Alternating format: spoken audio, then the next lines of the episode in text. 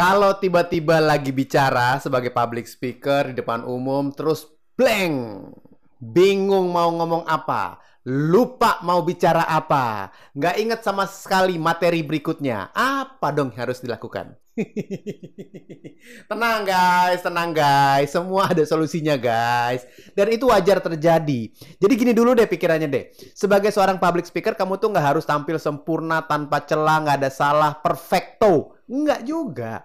Boleh kalau tiba-tiba kita sekali mikir, mencoba mengingat-ingat, mencoba mencari tahu. Itu termasuk bagian dalam pencernaan pikiran.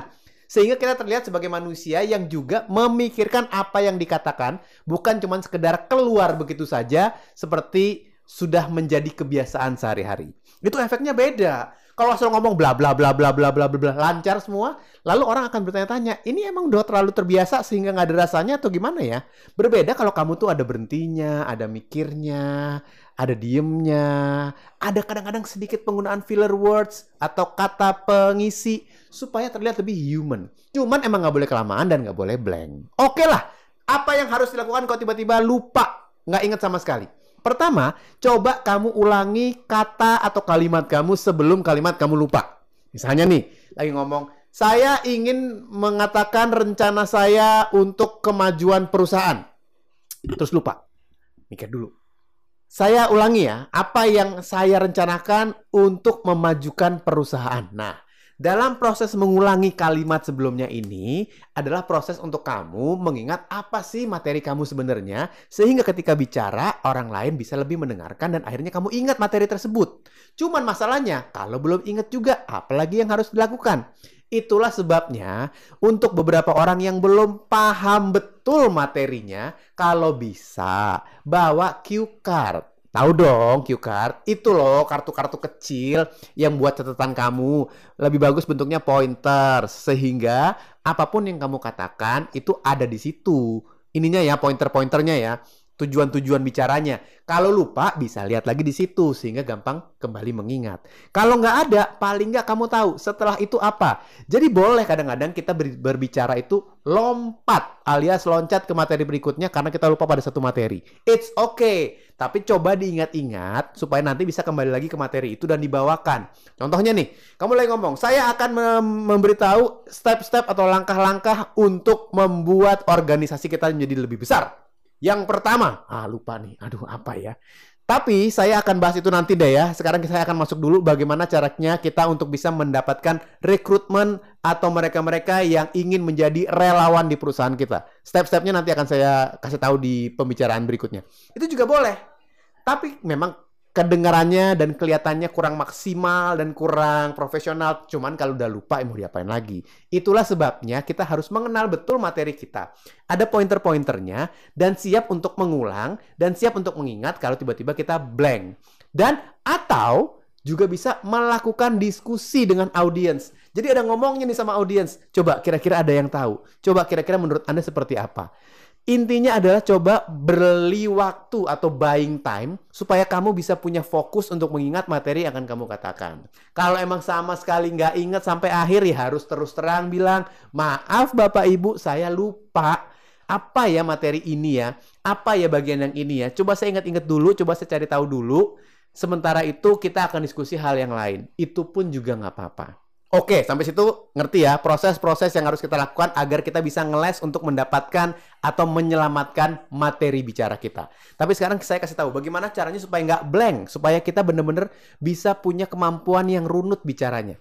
Ada sebuah teknik namanya adalah teknik theater of mind. Dalam theater of mind itu kita bisa membayangkan materi kita mulai dari A sampai Z, dari awal sampai akhir. Itu sudah kamu rencanakan sebelumnya. Jadi kamu mikir nih, ketika membuat materi, itu depannya apa? Openingnya bagaimana, lalu tengahnya apa, isinya apa aja, dan di ujungnya akan ada kalimat apa untuk bisa membuat orang lain mengikuti apa yang kamu inginkan. Itu diafalin dulu, itu diingat-ingat dulu. Sehingga alur cerita apa yang akan kamu katakan itu selalu siap kamu bawakan.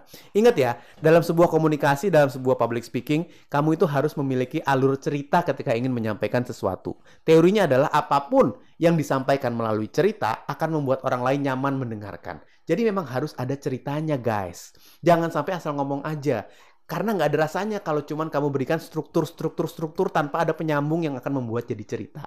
Nah, dalam proses pembuatan cerita ini, tentunya kamu harus tahu akan dibawa ke mana. Akan ke kirinya ke mana. Ibaratnya nih, dari rumah kamu sampai ke alun-alun. Harus tahu kan mau lewat mana, mau naik apa, nanti beloknya di mana, ke kirinya di mana, ke utaranya di mana. Ketika kamu sudah membayangkan itu, pada saat kamu bicara, maka kamu akan lebih mudah untuk menyampaikan pesan. Kalaupun ada yang kelewatan, langsung bisa ditutupi oleh hal-hal yang lain. Sehingga kamu nggak akan blank. Atau ada juga sebuah teknik sederhana namanya 5W1H. Ini udah kita bahas nih pada beberapa waktu yang lalu. What, when, why, who, where, and how. Ketika kamu bicara menggunakan 5W1H, kalau ada yang lupa, bisa diambil yang lainnya. Lupa what-nya, pindah ke when Lupa when-nya, ambil langsung why. Lupa why-nya, kamu paling tidak tahu where atau masuk ke how. Sehingga ketika bicara, ada begitu banyak materi yang akan kamu isi, yang akan disampaikan, sehingga kalaupun lupa apa kata-kata selanjutnya, paling tidak tahu betul tujuan bicaranya dan mengerti akan ada kata lagi apa yang bisa disampaikan. Dengan memiliki kemampuan bercerita, dengan memiliki kemampuan 5W1H, ada satu lagi nih yang bisa membuat kamu menjadi orang yang bicaranya nggak gampang lupa atau nggak gampang blank, yaitu kemampuan visualize, membayangkan. Jadi ketika berbicara, kamu tuh harus membayangkan, saya akan menceritakan tentang step-step atau langkah-langkah untuk memajukan perusahaan. Nah, itu dibayang tuh. Pertama adalah dari atas, lalu dari bawah, manajemen, di bawah manajemen, pindah lagi gitu ketika kamu menceritakan sesuatu dengan teknik visualize atau membayangkan, akan lebih mudah bagi kamu untuk menceritakan materi yang akan kamu sampaikan.